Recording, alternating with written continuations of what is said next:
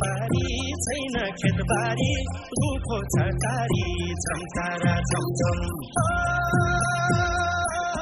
शिशिर योगीले गाएको यो गीतका शब्द जस्तै बारी नभएपछि र भएको बारीबाट खान पुग्ने भारी उब्जनी नभएपछि पुरुषहरू कर्णालीका पहाड छिचोल्दै तराई झरेर भारत पसेका छन्। सरकारले भन्छ मात्रै हामीले कहिले खै रोजगार पाए पनि छैनौँ काम पनि देखेका पनि छैनौँ भन्छ मात्रै काम काम केही गराउँदैन। इन्डिया पुलिसले कति हतायो आउन पुलिसले नै यति धोका पार्नु पर्यो हामीले केही सुख छैन कोही कोही सरकार आयो भने सुख छैन। पुरुषलाई भारत नगई सुखै छैन। महिलाहरू एकै घरमा छन् आफ्नै भरमा छन्। खेतबारी दाउरा घाँस गाईबस्तु बालबच्चा र पाका मानिसको स्याहारमा कर्णाली जस्तै अविरल बगिरहेका छन्। महिलाको दुःख घरदैलोको स्थानीय सरकारले सुन्न खोजेका छन् तर पार लाउन सकेका छैनन्। दैलेखको आठबीस नगरपालिकाका उपमेयर दीपा बोहोरा त्यसका लागि प्रदेश सरकार र संसदको साथ खोजिरहनु भएको छ। कर्णालीका दुर्गम गाउँका महिला कामको बोझले थिचिएको महसुस गर्छन्। त्योसँगै हिंसा भोगाई पीडा सही नसक्नु छ। कर्णालीका महिलाको पीडालाई नजिकबाट अध्ययन गर्नुभएका समाज सुधारका अभियन्ता राधा पौडेलले देखाउनु भएको हिंसाको तथ्याङ्क डरलाग्दो छ। देखिएका भन्दा पनि अवस्था अझै गम्भीर छ। चौतिस प्रतिशत विवाहित महिलाहरूको पति चाहिँ विदेशमा हुन्छ इन्डियामा अथवा अन्य देशमा काम गर्न जानु भएको छ अथवा नेपालभित्रै काम गर्न जानु भएको छ भन्ने कुराले पनि एकदमै गम्भीर रूपमा महिलाहरूको जुन सहभागिता सुरक्षा र शान्तिमा चाहिँ असर गरिरहेको हुन्छ। श्रीमानहरू घरमा नआउनु भन्ने बित्तिकै हाम्रो जुन सामाजिक संरचना छ त्यो सामाजिक संरचनाका कारणले गर्दा झन् उनीहरू चाहिँ गम्भीर असुरक्षामा रहेका हुन्छन्। कर्णालीका महिलाको जिन्दगीको कथा संसदमा पुगेन पुगेका विषयको टुङ्गो लागेन। यो विषयलाई सांसदहरूले कसरी हेरेका छन्? कर्णाली प्रदेशका सांसद सामाजिक विकास समितिका अध्यक्ष देवी ओली। संसदमा किन कुरा उठेन भन्ने कुरामा अब हाम्रो कर्णाली प्रदेशमा हामीलाई बोल्न छुट छ। हामी कहाँ सभामुखले रोक्नु भएको पनि छैन दलले पनि रोक्नु भएको छैन। विषय अनुसार हामीले चाहिँ बोल्नुपर्छ समय अनुसार पनि हामीले बोल्नुपर्छ। यो महिलाको विषय महिलाले मात्रै उठाइदिनु पर्ने दलितको विषय दलितले मात्रै उठाइदिनु पर्ने जनजातिको विषय जनजातिले मात्रै उठाइदिनु पर्ने यो चाहिँ अलि प्रवृत्ति चाहिँ ठिक छैन के? यो विषय त सबैले उठाइदिनु पर्यो नि। कर्णाली प्रदेश सरकारले छोरीको सुरक्षा महिलाको सशक्तिकरणका लागि कार्यक्रममा जोड्न खोजेको देखिन्छ।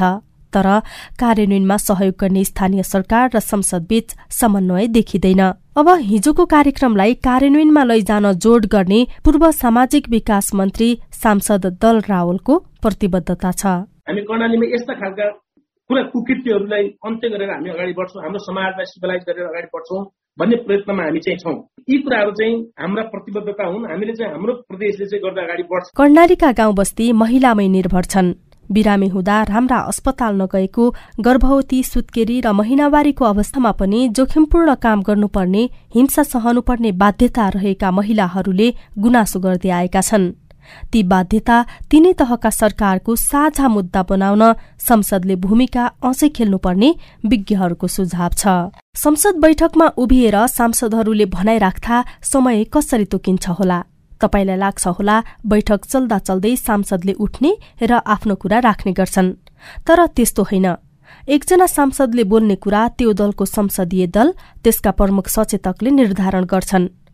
सुदूरपश्चिम प्रदेश सभामा संसदमा बोलेको हिसाब किताब निकाल्दा महिला सांसद विभेदमा परेको देखिन्छ। पुरूष सांसदलाई बोल्ने समय महिला सांसदलाई भन्दा दोब्बरले बढी देखिन्छ। प्रदेश सभामा छलफल गर्दा एक पटकमा बोल्दा महिला सांसदहरूले न्यूनतम तिन मिनट र अधिकतम बाह्र मिनट समय पाएको रेकर्ड प्रदेश सभा सचिवालयबाट चाहिँ उपलब्ध भएको छ।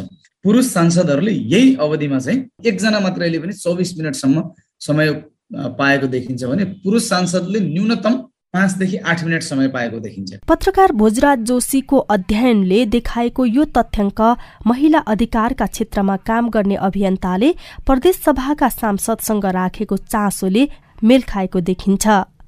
महिलाका जुन विषय संसदमा पुग्नु पर्थ्यो ती विषय पुग्न नसकेको उनीहरूको गुनासो छ। उहाँहरूले पाउने सेवा सुविधा जुन दिनदेखि त्यही दिनदेखि लागू हुने गरी यो सेवा सुविधालाई अगाडि बढाउनु पर्छ भन्ने म सभा समक्ष अनुरोध गर्न चाहन्छु।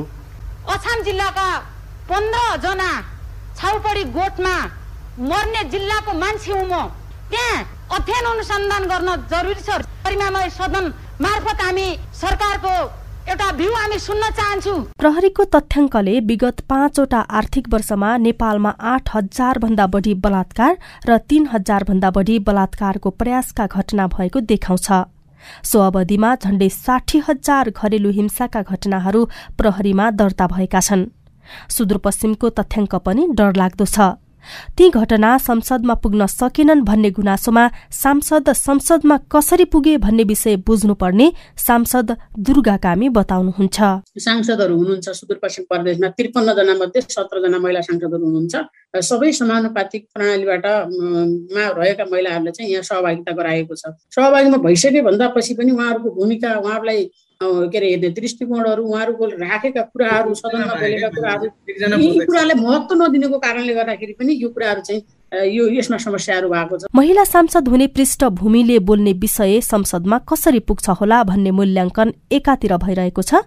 अर्कोतिर हिजो सांसद भएका मन्त्री आज सरकारमा पुगेपछि संसदमा उठेको सवाललाई टुङ्गोमा पुर्याउन प्रतिबद्ध छन्। अर्कोतिर हिजो सांसद भएका मन्त्री आज सरकारमा पुगेपछि संसदमा उठेका सवाललाई टुङ्गोमा पुर्याउन प्रतिबद्ध छन् त। सुदूरपश्चिम सरकारका प्रवक्ता कानून मन्त्री पूर्ण जोशी भन्नुहुन्छ। इमान्दारी पूर्वक महिलाहरूको पक्षमा दलितहरूको पक्षमा पछाडि पारिएको समुदायको हिसाबमा मैले त्यो वकालत गर्ने कुराहरू र मैले त्यसमा चाहिँ आफ्नो पूर्ण रूपमा इफोर्ट लगाउने कुराहरूमा म एकदम प्रतिबद्ध छु मलाई फलो गर्नुहोला। सरकार प्रतिबद्ध छ संसद र सांसद जिम्मेवार छौ भनिरहेका छन् तर महिला हिंसाका विषय संसदमा पुगेको देखिँदैन। महिला अधिकारको पक्षमा पैरवी गरिरहेका अधिकार कर्मीहरू भने भएका व्यवहारमा देखिने गरी लैंगिक समानता सुनिश्चित नगरिएसम्म विभेद र हिंसा नियन्त्रणमा चुनौती देखा परिरहने टिप्पणी गर्छन्। Indra Nepal FM network Kathmandu.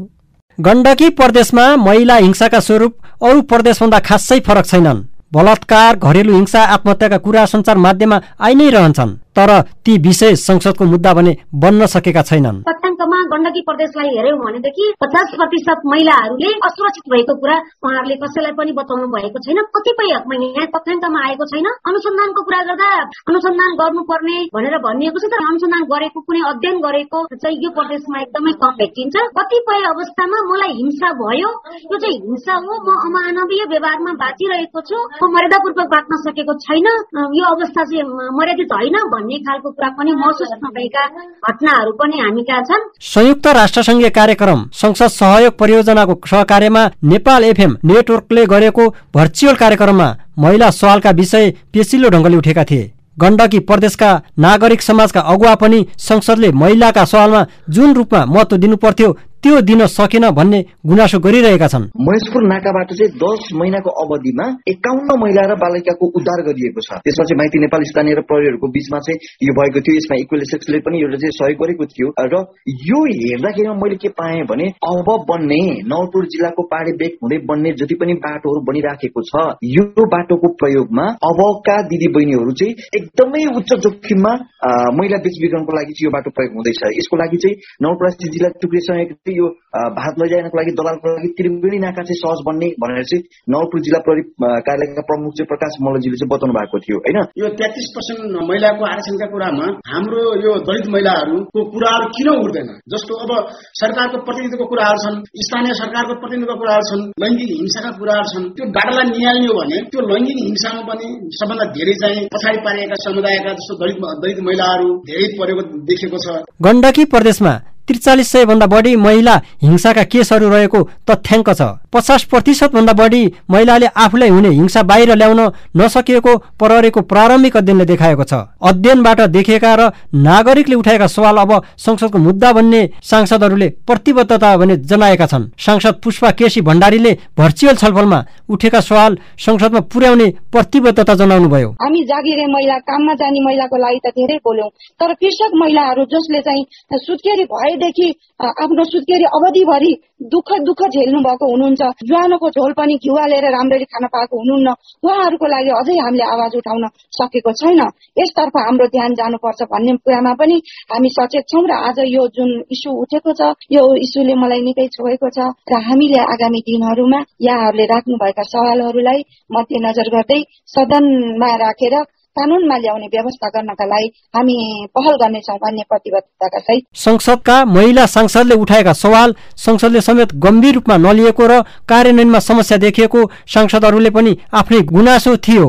Gandaki प्रदेश सरकारले पनि उठेका विषयलाई नीति बनाएर कार्यान्वयनमा लैजाने प्रतिबद्धता जनाएको छ। प्रदेशका सामाजिक विकास मन्त्री मेखलाल श्रेष्ठले सरकार महिलाका सवालमा संवेदनशील भएको बताउनुभयो। घरमा भएको हिंसाबाट पीडित भएर घरमा थुनिनु हुँदैन र कसैले असहाय भएर बाँच्नु हुँदैन भन्ने हिसाबले उनीहरूलाई पुनस्थापित केन्द्रमा लानु पर्दछ भनेर हामीले क्याबिनेटबाटै घोषणा गरेर अगाडि बढिसकेका छौँ। चाँडै नै त्यसको कार्यविधि आउँछ। र यसले यो गण्डकी प्रदेशमा एउटा हिंसाबाट जो कोही पनि पीडित हुनु हुँदैन हिंसा पीडितहरू महिला मात्रै होइन ती सबै वर्गहरूलाई समेट्नु पर्दछ भन्ने एउटा महत्वपूर्ण यो मेरो तागतले मेरो बुताले र मेरो सक्षमताले जति भ्याउँछ म यही विषयमा अगाडि बढ्नेछु। महिलाका मुद्दामा संसदले महिला सांसद मात्रै बोल्ने गरेको सबै पार्टीका सांसदहरूले एकीकृत रूपमा छलफल नगरेको र पुरुष सांसदहरूले साथ दिन नसकेको सांसदहरूले नै गुनासो गरेका थिए। नेपाल एफएम नेटवर्कका लागि भूपेन्द्र शाह काठमाडौँ। देशको राजधानी समेत रहेको बागमती प्रदेश शिक्षा स्वास्थ्य र पहुँचका हिसाबले अरू प्रदेशभन्दा अगाडि छ। तर महिला हिंसासँग जोडिएको ग्राफले भने त्यसलाई काटिरहेको छ। बागमती प्रदेशमा एक वर्षको अवधिमा घरेलु हिंसाका एक हजार एक सय छब्बीस घटना भएका छन्। आत्महत्या जबरजस्तीकरणी बाल यौन दुर्व्यवहारका विषय प्रहरीमा पुगिरहेकै छन्। पत्रकार लक्ष्मी बस्नेतले गरेको अध्ययनले राजनैतिक चेतनाको प्रदेशमा देखिएको हिंसाको तथ्याङ्क हेर्दा डरलाग्दो छ। महिला र बालिकाहरू छन् तर आधा पनि भेटिँदैनन्। घरेलु हिंसा चाहिँ एघार सय छब्बिसवटा आत्महत्या पाँच सय दस त्यसमध्येमा महिला तीन सय उन्तिस र बालिका पचपन्न। जबरजस्ती करणीको घटना तीन सय सातवटा भएको रहेछ। जबरजस्ती करणीको उद्योग उनानब्बेवटा बोक्सी आरोप तेह्र बाल एवं दुर्व्यवहार छयालिस र जातीय छुवाछुतको चाहिँ प्रहरीसम्म पुगेको घटना दुई ती घटनाहरू हरेक आर्थिक वर्षमा बढ्दै गएको देखाउँछ। अरू छवटा प्रदेशमा र बागमती प्रदेशमा बराबरी जस्तै हुन्छ। मुलुक संघीयतामा गएसँगै सातवटा प्रदेश सरकार निर्माणको तीन वर्ष पूरा भएको छ। सबै संसदमा नागरिकसँग जोडिएका मुद्दामा बहस पनि भइरहेको छ। तर महिलाका सवाल भने संसदको बहसमा ओझेलमा परेको सांसदहरूकै भनाइबाट पुष्टि हुन्छ। सांसद रमा आले मगरले संसदीय समितिको सभापति भइरहँदा पनि संसदमै विभेद भएको महसुस गर्नु भएको छ। म एउटा पाँचवटा समिति मध्येको एउटा समितिको महिला सभापतिको हिसाबले हेर्ने हो भने कतै म महिला भएर तपाईँले हरेक प्रोग्राममा चाहिँ अङ्कुश ल्याउन खोजिरहनु भएको छ कि किन हो? म आफू महिला सांसदको हिसाबले महिला सभापतिको हिसाबले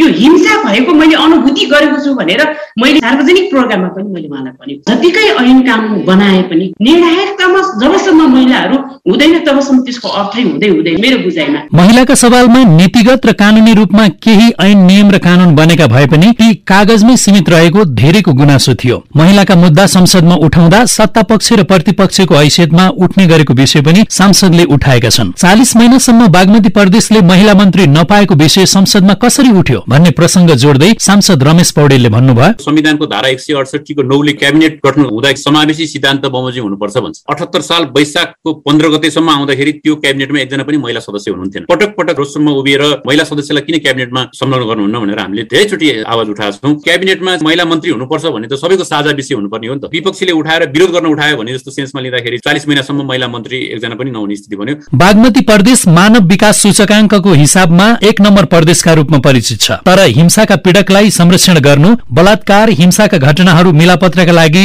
सांसद राजनैतिक दलहरूले संरक्षण गर्ने गरेका केही घटनाक्रमले त्यसलाई गिज्याइरहेको अध्यता डाक्टर समीक्षा कोइरालाको टिप्पणी छ। बागमती प्रदेश मानव विकास सूचाङ्कमा एक नम्बरको प्रदेश भनेर हामीले गर्व गरिराख्दा एउटा महिला बेपत्ता भएर दस वर्षसम्म खोजी नहुनु र संसदमा कुरा नउठ्नु घरेलु लैङ्गिक यौन हिंसाका पचास प्रतिशत भन्दा बढी घटनाका पीडितहरूको न्यायमाथि पहुँच नहुनु र ती घटनाहरू दर्ता न दर्ता भएका चालिस प्रतिशत भन्दा बढी घटनाहरू मिलापत्रमा हुनु। पक्कै पनि बागमती प्रदेशको एउटा ऐना हुन्। प्रमुख जिल्ला अधिकारी नेपाल प्रहरीसँग गरेका प्रत्यक्ष कुराकानीमा यी मिलापत्रका कुरा बलात्कारका घटना दर्ता नगर्नको लागि दबाब राजनीतिक व्यक्तित्वहरू र स्थानीय सांसदहरूबाटै आउने गरेका छन्। प्राथमिकताको आधारमा मुद्दाको छनौट भएन भन्ने चिन्ताले चाहिँ हामीलाई सताएको नेपाल एफएम नेटवर्कले गरेको भर्चुअल छलफलमा महिला मुद्दामा सरकार राख्ने नागरिक समाजका प्रतिनिधिहरूले महिला हिंसामा प्रहरीले उजुरी नलिने पहुँचका भरमा दोषीलाई उन्मुक्ति दिने तर त्यस्ता विषय संसद र सांसदको मुद्दा नबनेको गुनासो गरेका थिए। कार्यक्रममा सहभागी सामाजिक विकास मन्त्री सरस्वती बस्नेत र पन्ध्रजना भन्दा बढी सांसदले अब महिला शान्ति सुरक्षा सहितका लैंगिक विषयलाई गम्भीर रूपमा लिने र संसदको मुख्य मुद्दा बनाउने प्रतिबद्धता जनाएका थिए। Deepak Sunar Nepal FM network Kathmandu.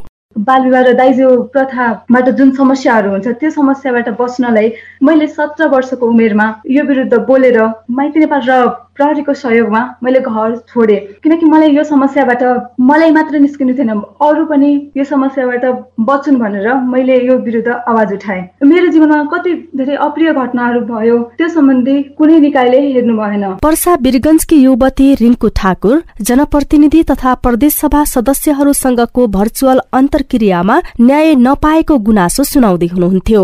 गुनासो सुनाउँदा सुनाउँदै न्यायका लागि रिङ्कुले घर छाडेको पाँच वर्ष भयो तर न्याय पाएको छैन। म यहाँ काठमाडौँ सहरमा बसेर ब्याचलर पढ्दै दिनदिनै नयाँ नयाँ चुनौतीहरू सहन नसक्ने घटनाहरू भोग्दै आइरहेको छु। प्रदेश नम्बर दुईको कार्यक्रम अन्तर्गत बेटी पढाऊ बेटी बचाऊ जुन कार्यक्रम छ के त्यसले साँच्चीकै सहयोग गरेको छ त? खै त मेरो बचाउ भएको? प्रदेश दुईका प्रदेश सभा सदस्य तथा जनप्रतिनिधिहरूसँगको अन्तर्क्रियामा रिङ्कुले बाल विवाह र दाइजो प्रथाको विरोध गर्दा आफूले गरेको विद्रोह सुनाइरहँदा रौतहटको गौर नगरपालिकाकी उपप्रमुख किरण ठाकुरले पनि बाल विवाह र दाइजो प्रथाका कारण महिलाहरू हिंसामा परेको बताउनुभयो। दाइजो हाम्रो प्रदेशमा एकदम चलन नै छ। यौन हिंसा छ बलात्कारको कुरा हुन्छ या यौन दुर्व्यवहारको कुरा हुन्छ। कोभिड उन्नाइसको महामारीका क्रममा प्रदेशमा महिलाहरूमाथि हिंसाका घटना बढेको तथा महिलाहरूले आत्महत्या गर्ने क्रम बढेको प्रहरीको तथ्याङ्कले देखाएको छ।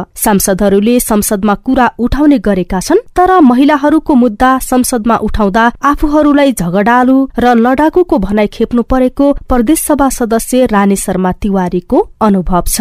हामीले कुरा उठाउनमा कहीँ पनि पछाडि छैन। अझ हामी भनेको दुई चारजना महिला सांसदहरू त झगडालु लडाकु भन्ने पनि नामहरू दिने गरिएको छ आफ्नो अधिकार लिनको लागि हामी झगडालु हुनुपर्छ भने हुन तयार छौँ। हामी आफ्नो माग राखिरहन्छौँ तर दिने जुन सत्ता पक्ष भनौँ त्यति गम्भीरतापूर्वक नलिएको भने मैले पनि मोस गरेँ मङ्सिरपछि गएको असारसम्म घरेलु हिंसाका दुई हजार नौ सय एघारवटा घटना भएका छन्। ती सवाल संसदमा लैजाँदा चासोका साथ नलिने बरु मजाक उडाइने गरेको प्रदेशका महिला सांसदहरूको गुनासो सुनाउनुहुन्छ प्रदेश सभा सदस्य मञ्जु यादव। उच्च शिक्षामा स्वतन्त्रता पूर्वक किन विद्यालय जाने वातावरण हिजोको नेपाल सरकारले पनि बनाउन सकेन अहिलेको संघीय सरकारले पनि बनाउन सकिरहेको छैन प्रदेश सरकारले पनि बनाउन सकिरहेको छ। यस विषयमा मैले कुरा राख्दाखेरि उल्टै विज्ञप्ति निकालिदिनु भयो। तथ्याङ्कका हिसाबले प्रदेश दुई महिलाका लागि जोखिमपूर्ण प्रदेशको रूपमा देखिएको छ। प्रदेश सरकारले बेटी पढाऊ बेटी बचाऊ छोरी बीमा कार्यक्रम जस्ता महिला सशक्तिकरण कार्यक्रम ल्याउन खोजेको छ। जति पनि कार्यक्रम महिलासँग जोडेर आएका छन् ती कार्यक्रममा अल्पसंख्यक दलित हिंसामा परेका महिलाको पहुँच नदेखिएको सांसद नागरिक अगुवा